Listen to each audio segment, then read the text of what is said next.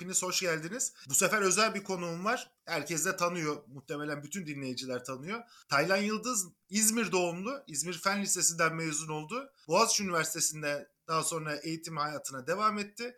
2003 yılında Stanford Üniversitesi'nde işletme doktorası pazarlama programına tam burslu olarak kabul edildi.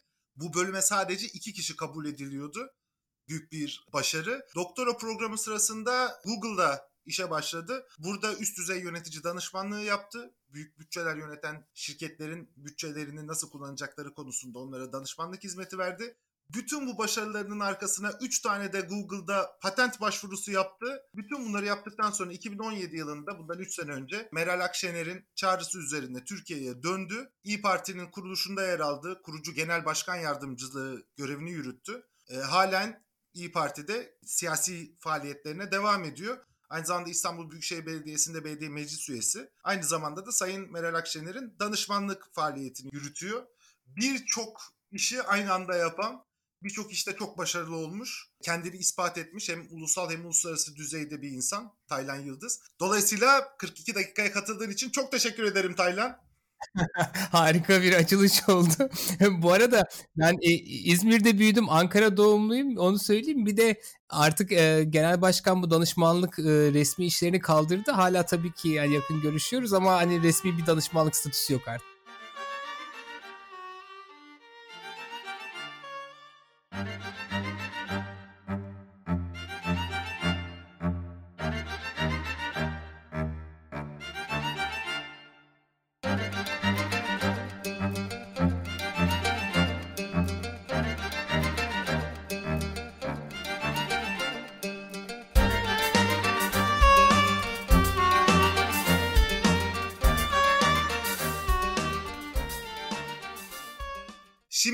Şeyden bahsedeceğiz. Bugün konumuz esas konuşmak istediğimiz konu. Taylan Yıldız'la bizim neslimizin artık katıldığı, daha çok da bizim neslimizden insanların temsilcisi olduğu yeni siyaset anlayışından, eski siyasetten farkından ve eski siyasetin neden yok olacağından biraz konuşacağız. Hemen şöyle başlayayım bu arada. Boğaziçi Üniversitesi'ne biliyorsun iki gün önce Cumhurbaşkanlığı kararnamesiyle Haliç Üniversitesi'nin rektörü olan bir şahıs, kendisi aynı zamanda AKP milletvekili adayı da olmuş zamanında atandı. Normal süreçlerde rektör adayları kendi aralarında yarışır, demokratik bir seçim olur. Ondan sonra Cumhurbaşkanı'na sunulur ve usulen birinci olan en çok oyu alan kişi rektör atanırdı. Bu usul AKP döneminde birazcık değişti ilk önce. Cumhurbaşkanı kimi isterse seçilen ilk üç arasından atıyordu. Şu an kararnameli tek başına kimseye sormadan atıyor. Süper antidemokratik bir tutum. Kurumların geleneklerini de zayıflatan bir tutum. Ve son derece rovanşist bir tutum buluyorum ben. Sen ne düşünüyorsun? Ya süper antidemokratik bir kere. Öncelikle şöyle bir şey var. Bir ülkenin liderinin, bir ülkenin cumhurbaşkanının zaten bunları atıyor olması abesle iştigal. Zamanında bile bu doğru değildi o anlamda. Bir kere yani her üniversite özerk olmalıdır ve kendi kim istiyorsa onun entelektüel geleceğini, üniversitenin geleceğine e, kim doğru katkıda bulunabileceğini düşünüyorsa onu seçer ve öyle devam eder. Dünyanın birçok yerinde bu böyle.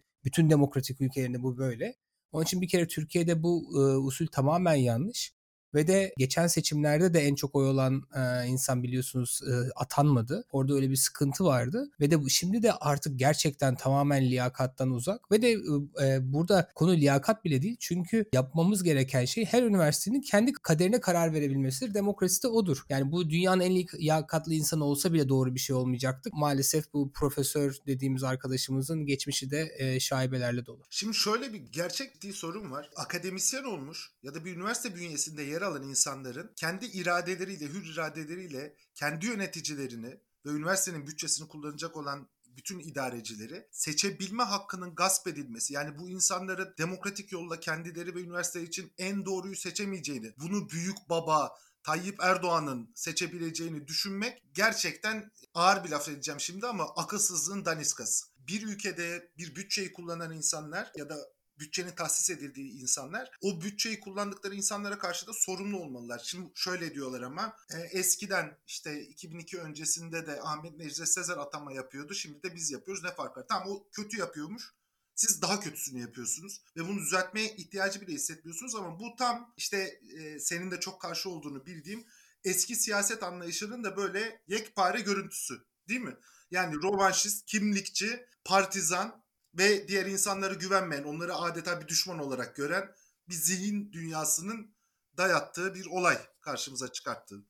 Valla Gürman ben şunu gördüm şu 3 yıllık e, siyasi hayatımda Türkiye'de. E, bizde hani bir demokrasi talebi var tabanda ve sadece hani e, muhalefet cenahında değil iktidar tabanında da böyle bir demokrasi e, talebi var. Ama o talebin e, maalesef tanımlanması yanlış. Çünkü onlar zannediyorlar ki e, Cumhurbaşkanı Sayın Erdoğan oldu diye Cumhurbaşkanı'nın her yerdeki her şeye atama yetkisi olmalı. Demokrasi budur zannediyorlar. Bu, bu yanlış. O seçildi diye Cumhurbaşkanı oldu diye bütün e, STK'ların başında o atamalıdır. Bütün rektörleri de o atamalıdır. Bütün derneklerin, vakıfların, yönetim kurullarını o atamalıdır. Bütün özel şirketlerin başına, bütün belediyelerin başına istediği insanları atamalıdır. Böyle bir şey yok. Bunun adı demokrasi değil, bunun adı cumhuriyet değil. Çünkü Cumhuriyet dediğiniz şey iyilik eki nedir? Bir şeye ait olmaktır. Cumhur halktır. İye halka ait demektir. Yani şu an halka aitse zaten her kurumun başında kim olması gerektiğini onun tabanı belirlemelidir. Maalesef böyle bir anlayış yok. Maalesef hani eğitim seviyemiz düşük ve demokrasinin ne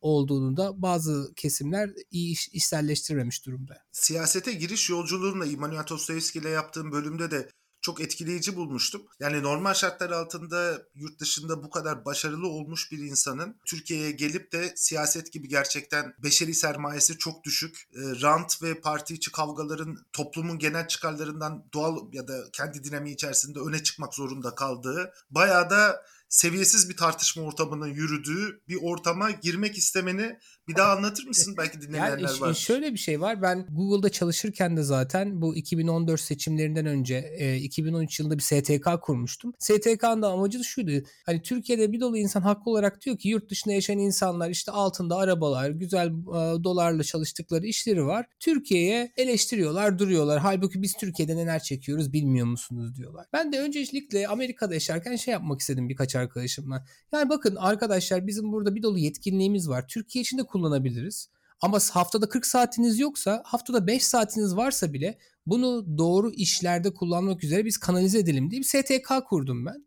O STK'ya da 3000 4000 tane böyle üst düzey gerçekten kalifiye dünyanın her yerinden insan başvurdu ve onların da e, istatistik e, işleriyle ilgili olan insanları ben topladım ve bir kısmını Türkiye'ye getirdim. Dedik ki 2014'te bari e, Türkiye'deki bu seçim işleri için çalışalım bağımsız olarak. Benim ilk siyasetle tanışmam böyle oldu ki ondan önce Google'da tabii ki reklam analizidir, optimizasyondur bu gibi konularda zaten uzman olduğum için bunu siyaset alanında kullanmak da çok doğal bunun bir e, sonucuydu. Ve bunu yaptım. Orada bir e, siyasetin içindeki bizi nasıl dışarıdan liyakatlı insanları içine almak istemediğini, bu siyasi partiler kanunun buna nasıl engel olduğunu bunları tecrübe ettim. Sonra 2017'de dedim madem bunu bir siyasi parti çatısı altında yapmak zor. Ben evet hayır kampanyası için bağımsız olarak çalışayım diye düşündüm. Yine Google'dan ücretsiz izin aldım. Geldim Türkiye'ye. Onları yaptım. Bu arada da Meral Hanım'la tanıştım. Meral Hanım'ın kampanyasını yönetmeye başladım evet hayır için. Çünkü hepimiz hayır kampanyası için çalışıyorduk. Sonra o da bana bir teklif etti. Dedi ki e, biz her kesimden insanı kucaklayan bir parti kurmak istiyoruz ve senin de yeni bir şey olması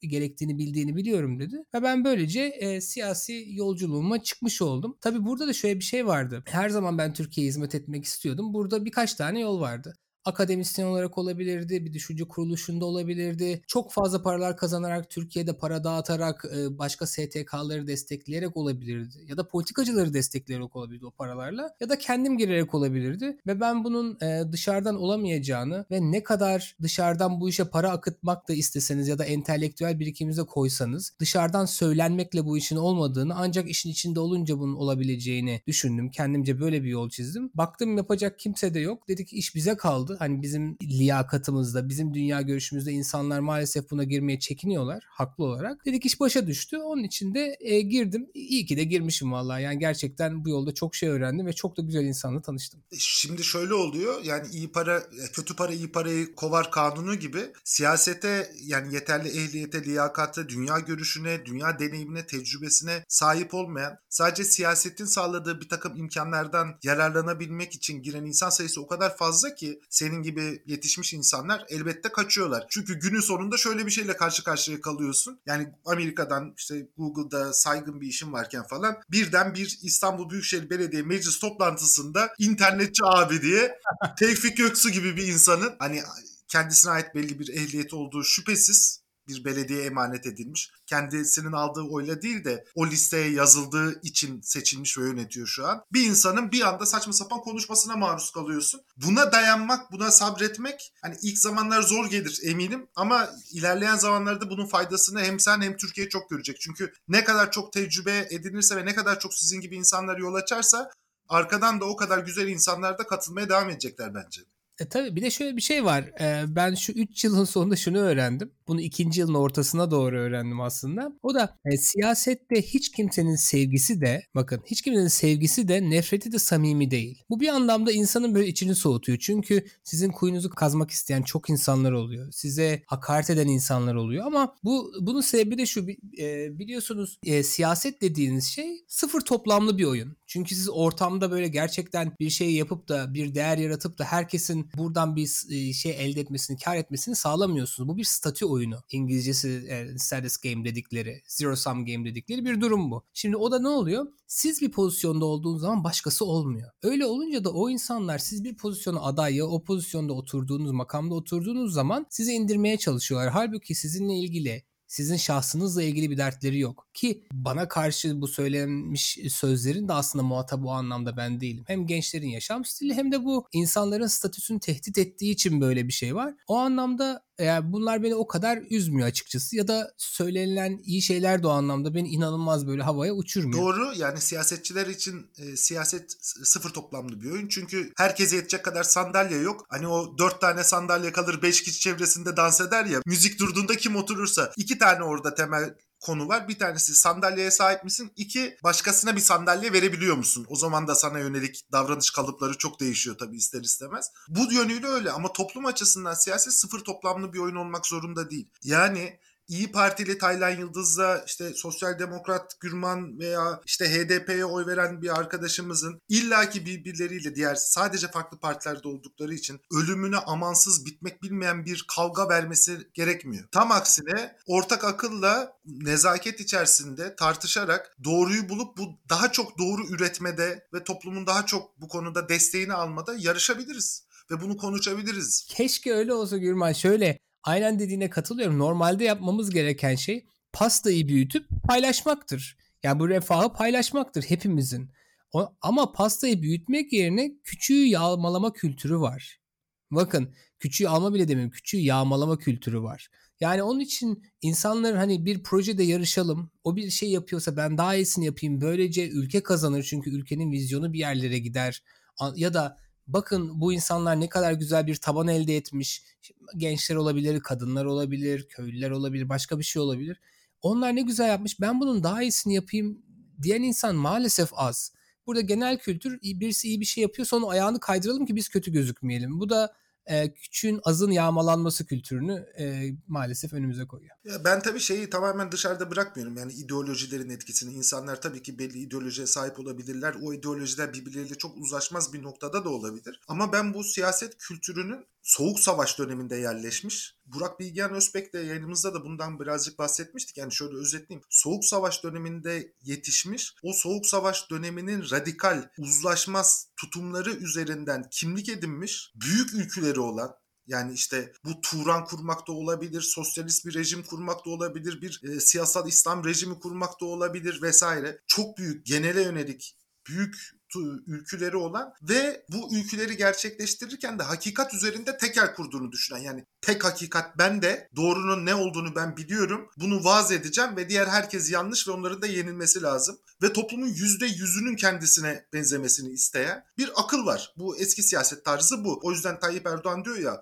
işte bunlar diyor en son şey bile demişti hatırlarsan yani sosyolojiyi sizden öğrenecek değiliz bile dedi sosyoloji profesörüne falan. hiçbir şey öğrenmek istemeyen, hep dışarıdakileri öteki gözüyle bakan ve onları yendikçe bundan haz duyan, kendisini başarılı hisseden, kendi toplumunu böylece kutuplaştıran böyle dünyada da var. Trump da bazen bunu yapıyor ama bizde tabii çok yani. Yeni siyaset anlayışı senin gibi birçok arkadaşın temsil ettiği Orada da SODEV raporuna referans vereceğim. Ertan Aksoy'un yaptığı. O da senin gibi genç aynı yaşlarda çok başarılı bir insan. Şöyle bir yeni bir görüntü ortaya çıkıyor. Gençler AKP'ye oy veren gençler bile ya da AKP'li muhafazakar ailelerde büyüyen gençler bile hayatta en önem verdikleri iki konuyu şöyle tarif ediyorlar. Birincisi kendi düşüncelerini ifade edebilmek. İkincisi bu çok ilginç. Başkalarının düşüncelerini ifade etmesine izin vermek. Bu konuda çok hassas. Bu şimdi yeni bir sosyoloji evet. senin gibi siyasetçiler tabii, için. Tabii kesinlikle. Şöyle bir şey var zaten çok güzel bir yerden girdin konuya. Ee, Burak'ın, e, Burak Bilgen Özbek hocamızın da orada söylediği çok güzel doğrular var. Şimdi e, 70'lerde genç olmuş insanlara şöyle dediler anneleri babaları ya da parti büyükleri. Gerekirse öl, gerekirse kariyerini bir kenara at, gerekirse çocuk yapma, aile hayatın olmasın, bir şey olmasın ama ideolojini sürdür. Böyle bir yükün altında ezildiler ve onlara dediler ki bakın bu ülkenin umudu sizsiniz. Ondan sonra bu ülkede vatan hainleri var ve bu vatan hainleri de milyonlarca ölçülecek. Çünkü sağda da solda da milyonlarca insan vardı. Milyonlarca ölçülecek ve tehlike büyük dediler. Ve bu gencecik omuzlara bu yükleri koydular. Tabii buradan 80 darbesinden sonra hem sağda hem solda birçok insan bundan çok cefa gördü. Ezildiler, çok fazla zarar gördüler. Bunlar bizim annelerimiz, babalarımızdı hepsi. Ve de onlar bizim kuşağımıza yani şu an 40 yaşında olan belki hani 37-45 yaş arası diyebileceğimiz kuşağa dediler ki oğlum kızım kendini kurtar. Hiç siyasete bulaşma çünkü bundan e, hiçbir iyilik gelmez. Aksine hayatını kaydırırlar dedi. Çünkü kendi tecrübelerinden fa- oradan yararlanarak böyle bir çıkarım yaptılar ve benim jenerasyonum siyasetten inanılmaz korkuyor ve sadece siyaset değil STK'lardan da korkuyor. Yani kendini ifade etmeye korkan bir nesil var benim neslimde. Ve de bu aslında Türkiye için inanılmaz büyük bir kayıp. Çünkü biz şu an gençlerin önünü açacak ve Türkiye'yi şahlandıracak, Türkiye'yi yönetecek nesil aslında biziz. Yani 38-45 yaş arası olan insanlardan bahsediyoruz. Bugün o enerjisi olan, o bilgisi, o kültürü olan, o dünya vizyonu olan insanların ülkeyi yönetmesi gerekirken şu an o insanlar ortalıkta yok. E niye? Çünkü annesinin babasının kendini kurtar demesiyle o düsturuyla büyüdükleri için bunu bir opsiyon olarak bile görmüyorlar ki benim en büyük hayalim ve bu yola çıkmaktaki en büyük amacım şuydu Gürman. Ben bunu yaparsam insanlar e, bu yaşta ve böyle e, geçmişi olup dünyada şunları yapıp şu an bu 40 yaşında da 38 yaşında da Türkiye'de aslında ana akım iyi bir yerde önemli bir pozisyonda politika yapabiliyormuş ve bunu da insanlar dinliyormuş dedirtebilmek. Böylece diğer insanlar da bunun hayalini kurabilecekler ve bizim çektiğimiz sıkıntıları çekmeden çok daha kamuoyunda da e, siyasetçi olarak algılanabilen e, bir pozisyon olarak bunu yapacaklar. Şimdi bunun e, şöyle bir durum var. E, Türkiye'de dört tane siyasetçi modeli var işte. Bir tanesi aşiret reisleri, oy toptancılığı yapıyorlar biliyorsunuz. İkincisi e, bürokrasiden gelmiş, müsteşarlığa kadar yükselmiş, oradan milletvekili, bakanlığa transfer olan insanlar. Üçüncüsü gençlik kollarından yükselen işte e, Sayın Erdoğan gibi insanlar.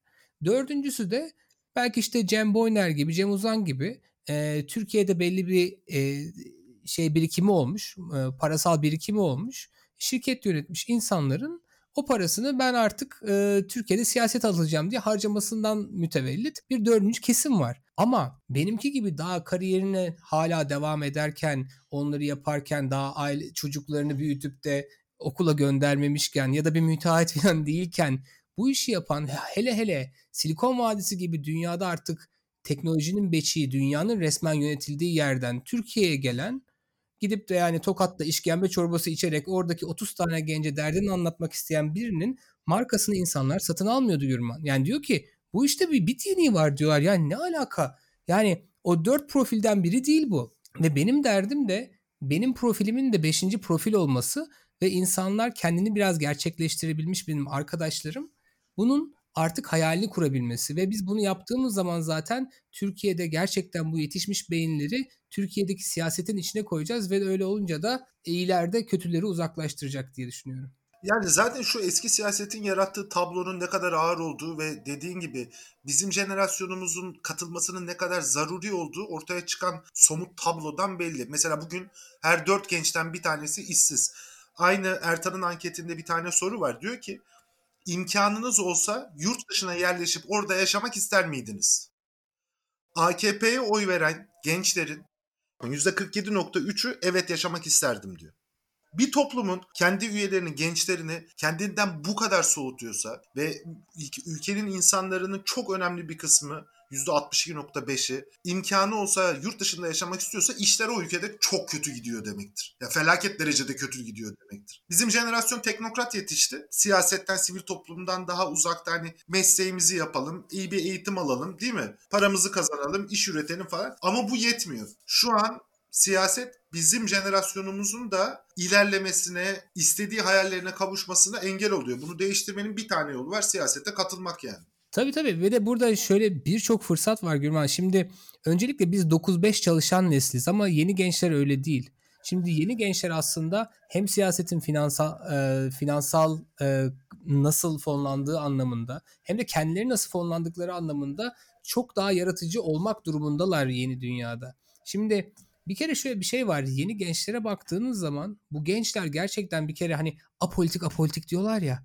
Apolitik değil bu çocuklar. Bunlar gerçekten ülkeyle ilgili nasıl olması gerektiğiyle ilgili inanılmaz fikirleri olan insanlar ama o fikirlerini Ankara'da iletebilecekleri bir muhatap bulamıyorlar ve de bunların bazıları bana diyor ki gençlerin ya diyorlar abi keşke diyor bu liderler bizi anlasa.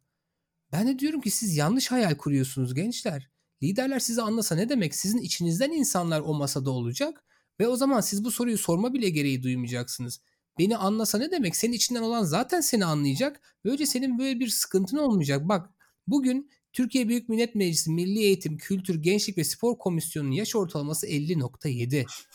Yani ya bak Türkiye'nin 40 yaşın altındaki insanların sayısı %61 ama 40 yaşın altındaki milletvekili sayısı %13.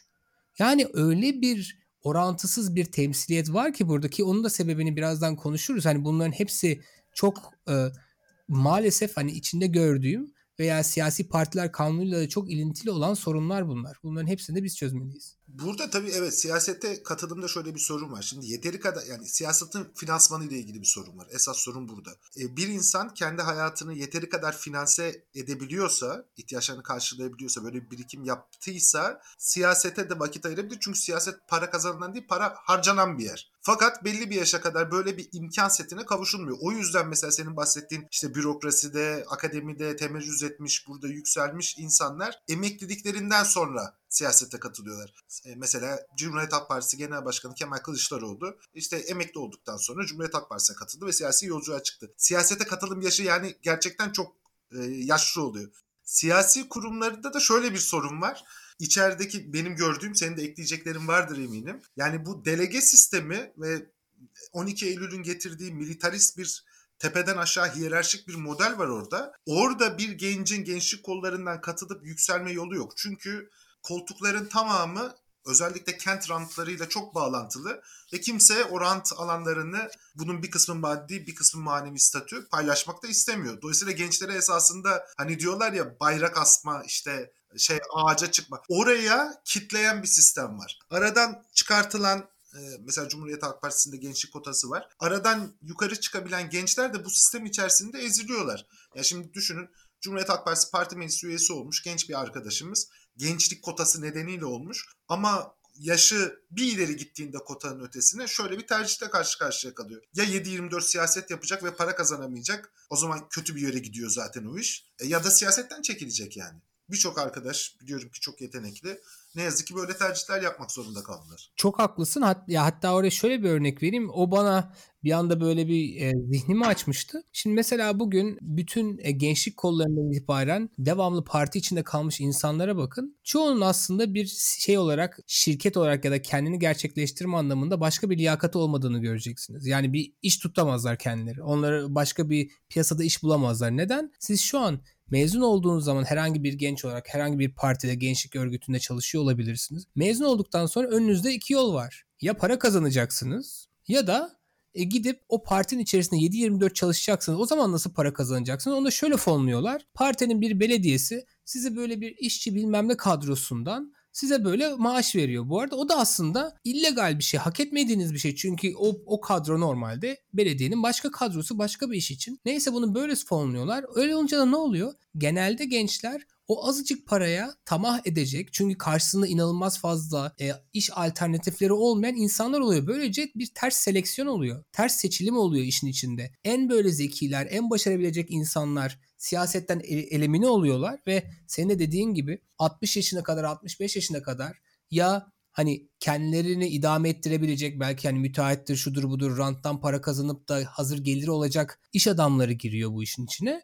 Ya da e, girenler 65 yaşından sonra hadi ben emekli oldum artık girebilirim diyen insanlar ve de bu da gerçekten yani Türkiye'nin aslında en itici gücü olması gereken 22-55 yaş arası diyebileceğinin mesela o insanların maalesef neredeyse tamamen siyasetten çıkmış olması anlamına geliyor. Ya bu da bizim için çok büyük bir felaket. Bir de şöyle bir tarafı var bu işin. Yani o da gene siyasi partiler kanunundan bir de siyasi kültürümüz de öyle bizim. Ee, yaklaşık işte 12 milyon oy almış bir partinin üye sayısı onda bir kadar toplam seçmeninin ve onlar çok bütün seçmen grubunu temsil edebilecek şekilde değiller ister istemez. E, yani katılım da azaldığı için e, partiler de aidat almadığı için siyasetin finansmanı tepede de bu sefer başka bir soruna dönüşüyor. Bahsettiğim gibi bu sefer belediyelerle ilişkiler çok, kent rantı ile ilişkiler çok netameli bir hale geliyor ama şu tarafı da var. İnsanlar katılıp kendi yöneticilerini seçmediği için esasında o seçmenler. Senin gibi işte bizim yaş grubumuzdaki insanların da belli makamlara seçilmesi de çok zor oluyor. Genellikle atama ya da birinin bir genel başkanın ya da işte bir genel başkan yardımcısının ya da işte partide güçlü bir figür diyelim buna. Onun imtiyazıyla Tabii. bir yere giriyorsun ve patronaj ilişkisi kurulmuş oluyor esasında. Hür bir ilişki değil o yani. Aynen öyle. Şimdi ondan bahsedeyim biraz. Bunu ben bayağı için içinde olduğum için çok yakından e, yaşadığım bir durum bu. Şimdi e, şöyle bir şey var. E, dünyada mesela Amerika'da, Avrupa'da baktığınız zaman e, parti ile vatandaş ilişkisini ben şeye benzetiyorum. Böyle babayla çocuk ilişkisine benzetiyorum. Oradaki ilişkiye, oradaki sevgiye bakarsanız babanın çocuğa yaptığı şey veren sevgidir. Değil mi? Verdikçe çocuğun daha sevdiğini hisseder, ona bir şey yaptığını hisseder. Çocuğun babaya olan sevgisi alan sevgidir. E, tabii ki yani çocuk olduğu için babasından bir şeyler bekler. Şimdi partiyle vatandaş ilişkisi Türkiye'de şöyle. Partiler yeni bile kurulsa da baba gibi gözüküyor. Vatandaş kendini orada çocuk gibi gö- görüyor. Ama yurt dışında bu tam tersi. Yurt dışında partileri vatandaş çocuğu gibi görür. Bu ne demek? Dişinden tırnağını arttırır 5 dolar, 10 dolar, 20 dolar verir ki parti iktidara gelsin. Sonra ileride de onun hayatını e, güzelleştirebilecek icraatlarda bulunsun. Şimdi Türkiye'de bu tam tersi. Türkiye'de herkes partilerden hemen bir çıkar bekliyor. He, bu hemen çıkar ne? İş olabilir, aynı yardımlar olabilir, başka şeyler direkt maddi, parasal yardımlar olabilir. Yani ben bunu o kadar çok kereler gördüm ki ve Türkiye'nin her yerinde gördüm. Vatandaşın partilerden böyle bir beklentisi var. Öyle olunca da ne oluyor? Şimdi olay parti finansmanına geliyor. Siz parti olarak bizim çok güzel bir vizyonumuz var ama paramız yok. Hadi bize 5 lira verin vatandaşlar diyemiyorsunuz. İnsanlardan aidat toplayamıyorsunuz. Hatta tam tersi insanlara şey de diyemiyorsunuz. Bakın hadi arkadaşlar SMS kampanyası yapıyoruz bize 10 lira verin derseniz vatandaş diyor ki aa bu güçsüz bir parti. Bakın şimdi ama ben burada şöyle umutluyum. Şimdi orta yaş üstü insanların böyle beklentisi olabilir ama gençlerde böyle bir beklenti yok Gürman. Ben bundan çok mutluyum. Çünkü bizde biliyorsunuz bir Twitch kültürü var. Bu Twitch kültüründe bizim gençlerimiz hiç zorunlu olmadığı halde en sevdiği insanları 3 lirasıyla 5 lirasıyla destekliyorlar. Ve de bence bu crowdfunding olayı yani bizim e, bu işleri e, insanlar üzerinden fonlamamız mutlaka ve mutlaka gençler üzerinden olacak ve biz bu finansal e, sorunu çözdüğümüz saniyede de bir kere o zaman işler çok daha demokratik olacak. Çünkü o zaman e, partinin ya da herhangi bir hareketin güdümü partiyi besleyen 3-5 tane müteahhitin iki dudağın arasında olmayacak. Tamamen e, tabanın e, yönlendirdiği bir hareket olacak. Bir kere e, bunu bir söylemem lazım. İkincisi şu. Bizim milletvekili seçimlerimiz bir garabet. O da siyasi partiler kanunundan dolayı. Şimdi size Amerika'daki deneyimi söyleyeyim. Gidiyorsunuz postaneye. Adamlar diyor ki ya kardeşim diyor sen demokrat mısın, cumhuriyetçi misin, bağımsız mısın, yeşil partici misin, nesin? Oraya gittiğiniz zaman bir işaret koyuyorsunuz. Ana abi bakıyorsunuz parti üyesi olmuşsunuz. Sonra milletvekilliği adayları belirlenirken sizin evinize mektup gönderiyorlar. Diyorlar ki sen kim milletvekili adayı olsun istersin? O zaman da bütün taban seçiyor kimin milletvekili adayı olduğunu. Böyle delegeler, ayak oyunları, odur budur, genel başkan listeleri, şudur budur bunlar yok. Bu niye çok önemli? Çünkü ben burada şeyi e, dikkat etmenizi istiyorum hepimizin. Şimdi bir insan bir insan meşruiyetini nereden alıyor? Şimdi bakın parti liderlerine mesela Tayyip Erdoğan meşruiyetini tabandan alıyor. Doğru mu? Yani o meşruiyetin delegelerinden değil tabanından alıyor. Türkiye'de onu seçen insanlardan alıyor. Gayet güzel. Peki. Ama onun haricinde herkes meşruiyetini Tayyip Erdoğan'dan alıyor. Aynen öyle. Bütün partilerde bu. Şimdi partilerdeki insanlara bakabilirsiniz. Kimisi tabanından alır, kimisi parti içindeki delegelerden alır liderler. Ondan sonra o, o içindeki delegeler de, o içindeki parti genel başkan ve milletvekilleri de meşruiyetlerini genel başkandan alıyor.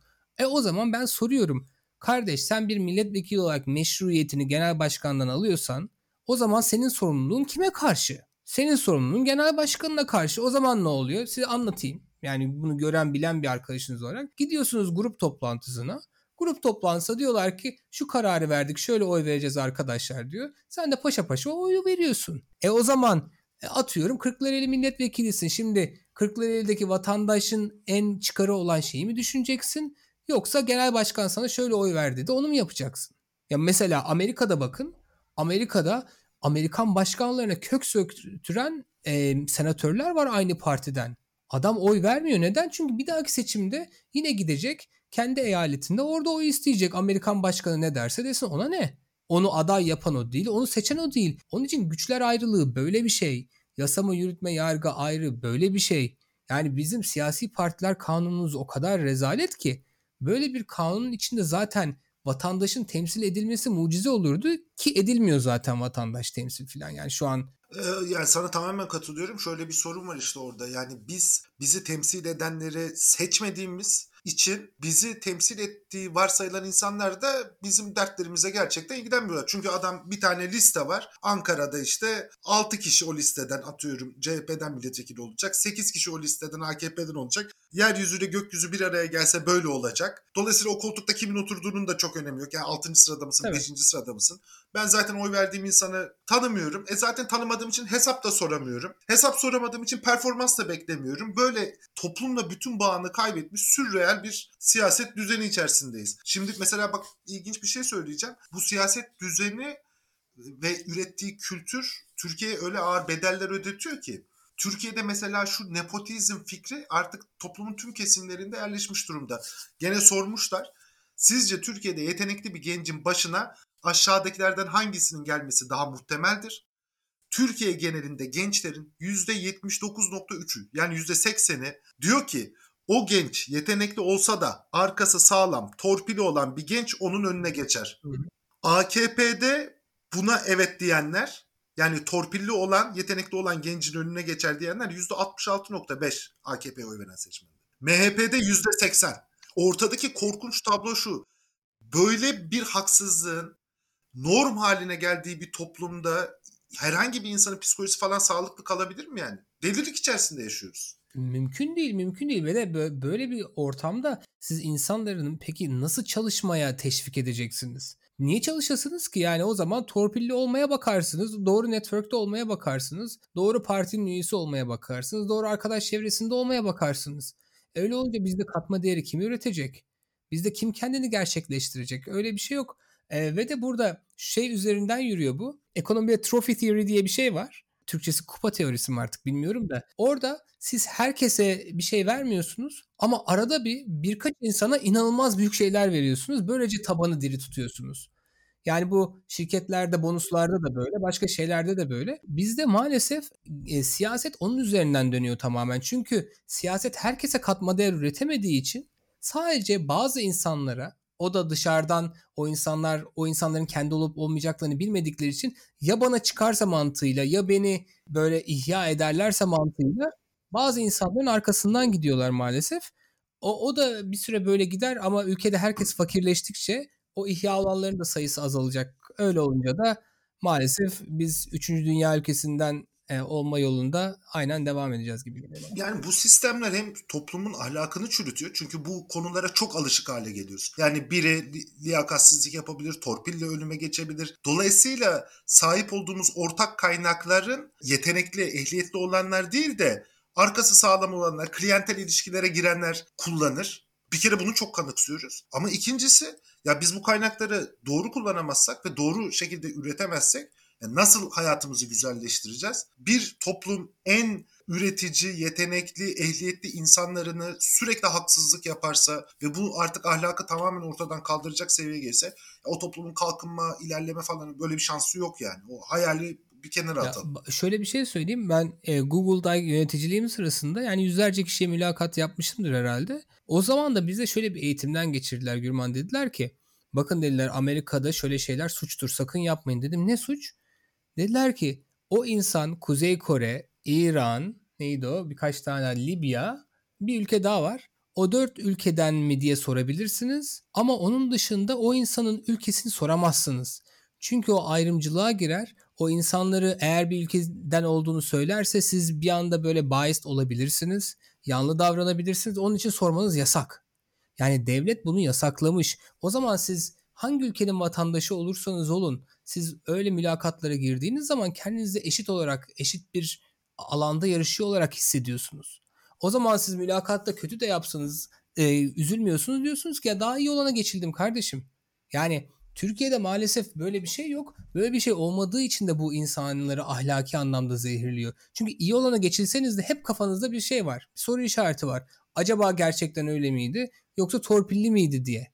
Yani onun için bizim zaten siyasi ahlak yasasını geçirmemiz gerekiyor. Bakın yani hani e, onu da hep beraber yapacağız. Evet yapılacak çok şey var gerçekten siyasette. Yani ama bu işi yani yeni dönemde umuyorum ki bu geçmiş dönemden birazcık ders çıkartarak hem siyasetin rasyonalize edilmesi hem de siyasi partiler kanunu, seçim kanunu gibi yapısal düzenlemelerin yapıp yapılıp daha demokratik, katılımcı insanların içinde rahatça yer alabildiği korkusuzca siyasi fikirlerini ifade edebildiği ama nezaket içerisinde de tartışabildiği, birbirine vatan haini ya da düşman gözüyle bakmadığı, sadece farklı fikirleri olan, Türkiye için farklı hayalleri olan ya da bu hayalleri farklı metodlardan erişmek önerileri getiren insanlar algılayabildiği bir dönem kurarız. Ya buna gerçekten ihtiyacımız var. Gürman bunu kuracağız. Bu aslında hiç zor bir şey değil. Çünkü gençler bir kere e, birbirlerinden nefret etmiyorlar. Ve de orada mesela Sodev'in raporunda çok güzel bir şey vardı. Diyor ki bu insanlar ben sadece kendi ifade özgürlüğüm değil bana muhalefet eden, bana gıcık olan insanların da ben bloke edilmemesini istiyorum. Onların da özgürlüğü benim için çok önemli diyor. Şimdi bu 70'lerde yıllarda genç olan insanların bilmediği bir şey. Yani çoğunlukla söylüyorum. Bu insanların maalesef hani kamplaştığı ve birbirini susturmak istediği bir tablo. Ama gençlerde böyle bir şey yok. Böyle bir refleks yok. Onun için biz zaten konuşabiliyoruz. Bu bir. İkincisi nasıl eskiden kahve sohbetleri yaparlardı işte Süleyman Demireller filan. Şimdi biz aynı kahve sohbetlerini Discord üzerinden yapıyoruz. Twitch üzerinden yapıyoruz gençlerle. Orada oturuyoruz saatlerce konuşuyoruz. Ben gidiyorum benden sonra benim serverlarımda Discord serverlarımda hala gençler 10 saat daha orada konuşuyorlar. Yani bizim yapmamız gereken şey onların olduğu yerde olmak, onları bol bol dinlemek ve onların arasından onları en iyi temsil edebilen insanları çıkarıp onları Ankara'nın gündemine ve umarız da onları meclise taşınmak. Yani bunları yaptıktan sonra ülke emin ol değişecek, emin ol gelişecek. Buna biraz zamana ihtiyacımız var sadece. Onu da hızlıca toparlıyoruz zaten.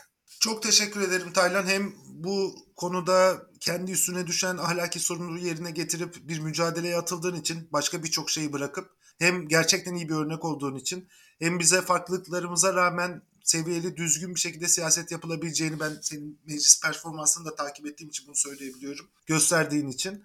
Herkese de şimdi dinleyicilere de tavsiyede bulunuyorum. Instagram'dan, Twitter'dan Taylan Yıldız'ı zaten takip etmeyi sakın unutmayın. Bu arada bir iyilik yapıp 42 dakikayı da Instagram'dan takip edebilirsiniz. Orada da çok güzel mesajlar geliyor, öneriler geliyor. Ara ara sohbet ediyoruz insanlarla. Keyifli oluyor. Son olarak söylemek istediğim bir şey var mı? Valla umutlarını yitirmesinler. Ben internetin her şeyi e, tamamen değiştireceği gibi siyaseti de tamamen değiştireceğini biliyorum. Biz 20 bin kişinin anlık izlediği yayınlar yapıyoruz ama sokakta yaprak kımıldamıyor çünkü ana akım bunları görmüyor. Ama arkadan öyle bir dip dalga geliyor ki ben o konuda çok umutluyum. İnşallah çok güzel olacak her şey yakın zamanda. Türkiye ve bizler için de yeni yılında bu vesileyle bu umutları büyüten, zorlukları, kötü günleri de azaltan günler getirmesini diliyorum. Görüşmek üzere diyeyim.